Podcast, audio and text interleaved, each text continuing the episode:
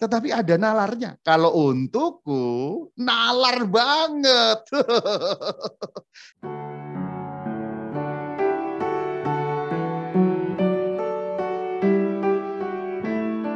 Begitu kamu kenal konsep mengenai substansi dan aksiden, ah ya itu ya, ini kata penting itu. Jadi gereja Katolik itu menjelaskan dengan kategori-kategori filosofis memang. Karena itulah yang dihadapi di Eropa yaitu harus menggunakan bahasa-bahasa filsafat. Mungkin kita orang timur nggak terlalu paham, tetapi paling kurang kamu nalarnya ngerti ya sudah kenal konsep substansi dan aksiden, maka berubahnya roti dan anggur menjadi tubuh dan darah Kristus menjadi lebih mudah dijelaskan. Tetapi harus ingat, saudara-saudari semuanya, penjelasan yang sepenuh-penuhnya tidak mungkin ada. Tidak mungkin ada. Karena kita manusia terbatas ruang dan waktu. Pikiran kita terbatas konsep kita terbatas, bahasa kita terbatas, segala-gala yang kita miliki terikat dengan kejasmanian.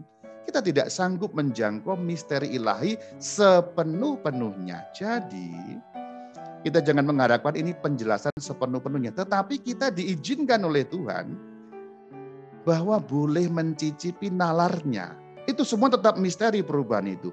Tetapi ada nalarnya. Kalau untukku, nalar banget. Kembalikan ke soal Yendling tadi itu ya. Yendling yang berubah apanya? Aksidennya, substansinya tetap. Ekaristi yang berubah apanya? Yang berubah substansinya, aksidennya yang tetap, hanya dibalik saja. Nah, itu nalar banget, nalar senalar-nalarnya.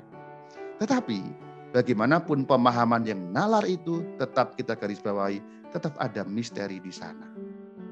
Ini untuk mencegah kita berpongah-pongah seakan semua bisa dijelaskan. Tidak. Kita mencicipi nalarnya, logikanya, tapi tidak mengungkap semuanya. Nah ini tadi sudah kita jelaskan perkara-perkara aksiden dan substansi tadi itu. Maka ketika atas fisiknya roti dan anggur, tetapi atas substansinya berubah. Aksidennya tidak. Nah, coba tadi kamu belum memahami aksiden dan substansi, mikirnya setengah mati kan. Tapi begitu kita tahu kategori filosofis aksiden dan substansi, mudah memahami. Masalahnya orang umum tidak kenal aksiden dan substansi. Jadi mikirnya juga sulit ya. Tetapi mikirnya yang sulit itu pun bisa digampangkan saja nanti ya. Gampangnya saya sering mengatakan kalau Tuhan sanggup menciptakan kamu yang dulu tidak ada menjadi ada, apakah Tuhan yang sama kesulitan mengubah roti menjadi tubuhnya? Itu gampang, itu jawaban gampang.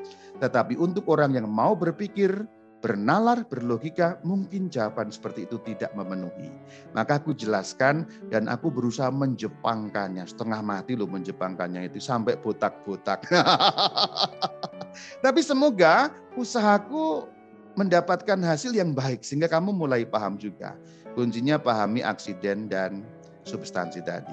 Maka kita ketika menerima komuni karena aksidennya itu tidak berubah ya. Ingat aksidennya tidak berubah. Maka ciri-ciri fisik roti ya tetap sama.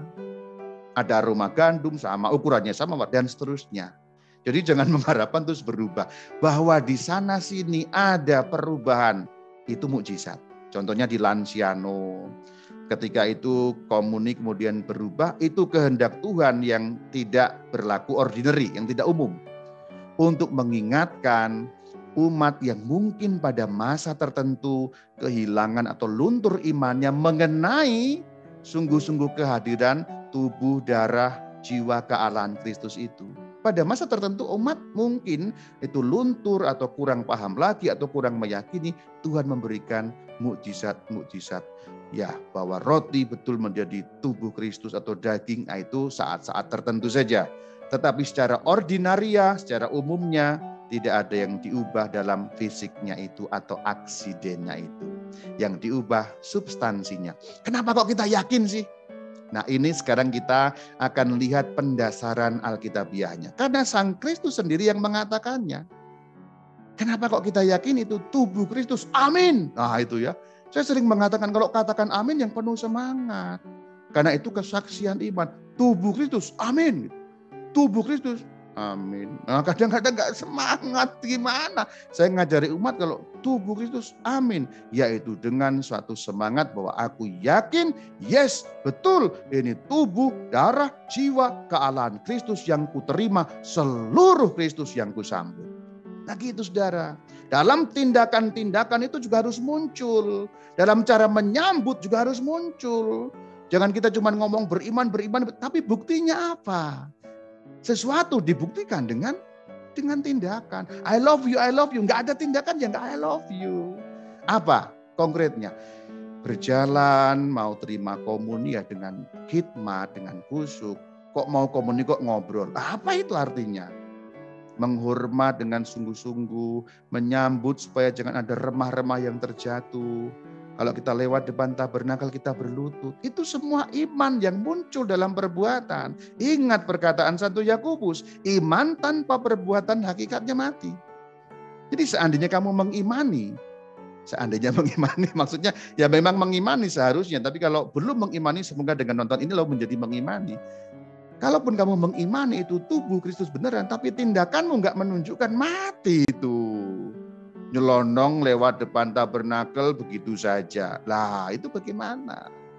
Iman tanpa perbuatan itu hakikatnya mati juga berlaku dalam penghormatan kita, penyembahan kita, takzim dan takjubnya kita. Itu masuk kabel adorasi selenang selonong. Nah itu jangan begitu. Masuk gereja pecicilan. Nah jangan begitu. Itu iman yang nggak ada perbuatannya. Nah gitu saudara. Aku kalau sudah mulai gini berapi-api karena ini sesuatu yang penting dan menjadi pokok dari inti iman kita mengenai ekaristi. Kembali ke laptop. Kenapa kita meyakini itu diubah betul? Jaminannya firmannya Kristus sendiri. Kalau kita melihat di dalam Matius 26 ayat 26 dan paralelnya, itu benar dikatakan inilah tubuhku, benar-benar tubuhnya, bukan lambang, bukan simbol. Yuk kita lihat. Matius 26 ayat 26. Ketika mereka sedang makan, Yesus mengambil roti. Perhatikan, yang diambil roti. Mengucap syukur, memecah-mecahkannya lalu memberikannya kepada murid-muridnya dan berkata, jadi roti, ambillah makanlah, inilah tubuhku ayat ini tidak perlu ditafsirkan yang macam-macam jelas. Yang diambil roti, yang dipecah roti, yang diberikan roti, Yesus mengatakan inilah tubuhku. Maka kalau ada kelompok atau sekte yang mengatakan itu cuma simbol, nah bagaimana menjelaskan Matius 26 ayat 26 ini dan ayat-ayat paralelnya? Apa maksudnya yang paralel? Yang sama dan senada yang ada di Injil sinoptik yaitu Markus dan Lukas kedua Injil yang lain selain Matius. Itu maksudnya. Bagaimana menjelaskan ini? Yang diambil roti, yang dipecah roti, yang diberikan kepada murid roti. Tetapi yang dikatakan ini tubuhku. Ini jelas sekali. Kalau itu bukan tubuh Kristus, pasti ya kata-katanya akan mengatakan inilah lambang tubuhku. Roti ini melambangkan atau whatever apa pun yang bukan inilah tubuhku. Nah ini jaminannya saudara. Di luar Katolik ada yang nggak meyakini ini, ya sudah silahkan ya. Namanya sekte ya, suka-suka lu lah. Tapi Kristus benar, firmannya sungguh tidak menipu, inilah tubuh. Jelas ya, clear ya. Jadi bukan simbol, camkan baik-baik. Camkan baik-baik. Kalau kamu lupa ini sungguh tubuh Kristus, dengan pengajaran ini kembalikan imanmu bahwa itu bukan lambang, bukan tanda, bukan simbol, tetapi apa? Ulangi kata-kataku. Tubuh, darah, jiwa, kealahan. Kristus seluruhnya. Ulangi kata-kataku. Tubuh, darah, jiwa, kealahan. Kristus seluruhnya. Ulangi lagi. Tubuh, darah, jiwa, kealahan. Kristus seluruhnya. Rama kok berapi-api? Ya iya, ini iman kita yang inti. Yang dipercayakan kepada kita, yang diwasiatkan. Kan Tuhan mengatakan perbuatlah ini. Selain Tritunggal ini bagian yang penting juga. Nah gitu. Jangan sampai luntur ini sungguh-sungguh wasiat Kristus bagi kita. Tubuh, darah, jiwa, kealahan Kristus seluruhnya. Itu harus sampai apal. Merasuk ke dalam pikiran, ke dalam jiwa, kalau perlu sampai ngelindur. Setelah mendengarkan video ini, kamu kemudian bisa ngelindur tubuh, darah, jiwa, kealahan Kristus seluruhnya. Tubuh, darah, apalagi? Ayo, ayo, lupa. Makanya jangan lupa ya, Kristus seluruhnya.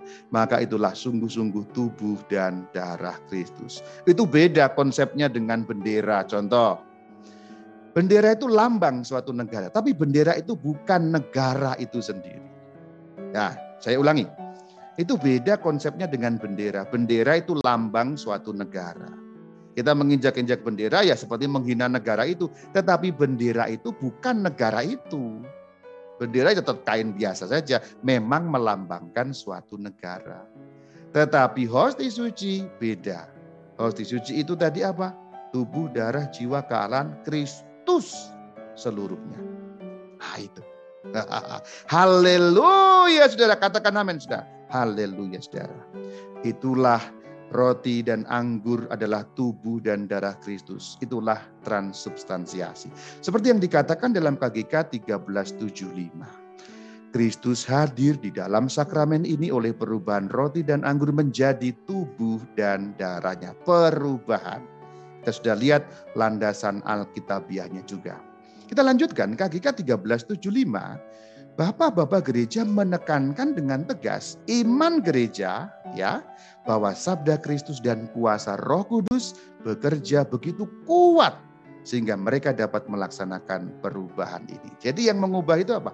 Sabda Kristus dan kuasa Roh Kudus. Itulah kenapa rumusan di dalam kurban misa khususnya dalam anafora atau doa syukur agung prex eukaristika, doa syukur agung kan dikatakan Mohon supaya pencurahan Roh Kudus jadi kuasa Roh Kudus agar menjadi bagi kami tubuh dan darah Kristus. Jadi kuasa Roh Kudus itu. Lalu sabda Kristus maksudnya apa? Ketika kisah institusi dikatakan inilah tubuhku dan seterusnya, inilah piala darahku dan seterusnya itu. Jadi sabda Kristus dan kuasa Roh Kudus itulah yang begitu kuat sehingga terjadi perubahan itu. Nanti hari Minggu dengarkan misa baik-baik Betapa misteri iman ini kalau dijelaskan dan dimengerti, terbatinkan dahsyat luar biasa.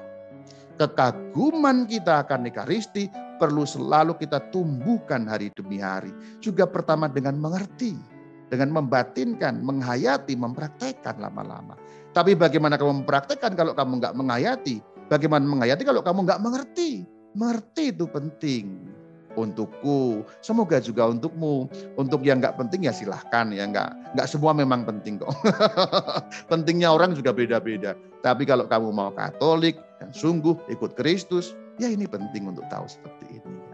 Kita lanjutkan bagaimana KGK 1375 menjelaskan perkataan Santo Yohanes Chrysostomus. Ini Santo dari kekristenan timur ya, luar biasa. Juga beliau menciptakan liturgi yang sekarang dikenal sebagai liturgi Kristostomus. Demikian bunyinya. Bukan manusia yang menyebabkan bahwa bahan persembahan menjadi tubuh dan darah Kristus, melainkan Kristus sendiri yang telah disalibkan untuk kita. Kristus sendiri yang membuat itu. Selanjutnya, imam yang mewakili Kristus mengucapkan kata-kata ini. Tetapi daya kerjanya dan rahmat datang dari Allah.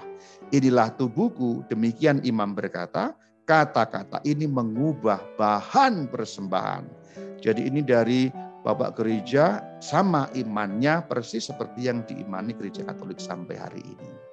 Jadi imam mewakili jelek-jelek bibirku, mulutku, suaraku dipakai oleh Tuhan Yesus menjadi wakilnya di dunia. Apa bahagianya kan? Coba. Pak Firdi enggak begitu. Tapi Rama Bayu meskipun lebih ganteng Pak Firdi, mulutnya Rama Bayu dipinjem. Itulah dahsyatnya imamat atau presbiterat saudara. Ya ini bukan untuk membanggakan diri, tapi ingat bagaimana mulia dan agungnya pelayanan itu. Ya kita juga tidak bisa membanggakan diri para imam ini. Karena apa? Daya kerja dan rahmat datang dari Allah. Kalaupun itu diucapkan kata-kata itu bukan karena kata-kataku yang sakti. Tapi karena Kristus, itulah kata-kata Kristus yang meminjam mulut imam kira-kira begitu. Jadi kata-kata Kristus, kata-kata ini maksudnya kata-kata Kristus yang meminjam mulutnya seorang imam gitu. Jadi yang mengubah Kristus sendiri, bukan kok imamnya sakti, simsalabim, bah bah bah, bukan ya. Ha ini dia. Tapi dengan mempelajari seperti ini aku juga makin makin makin makin mendalami menghayati betapa agung sakramen tahbisan presbiterat itu. Haleluya saudara.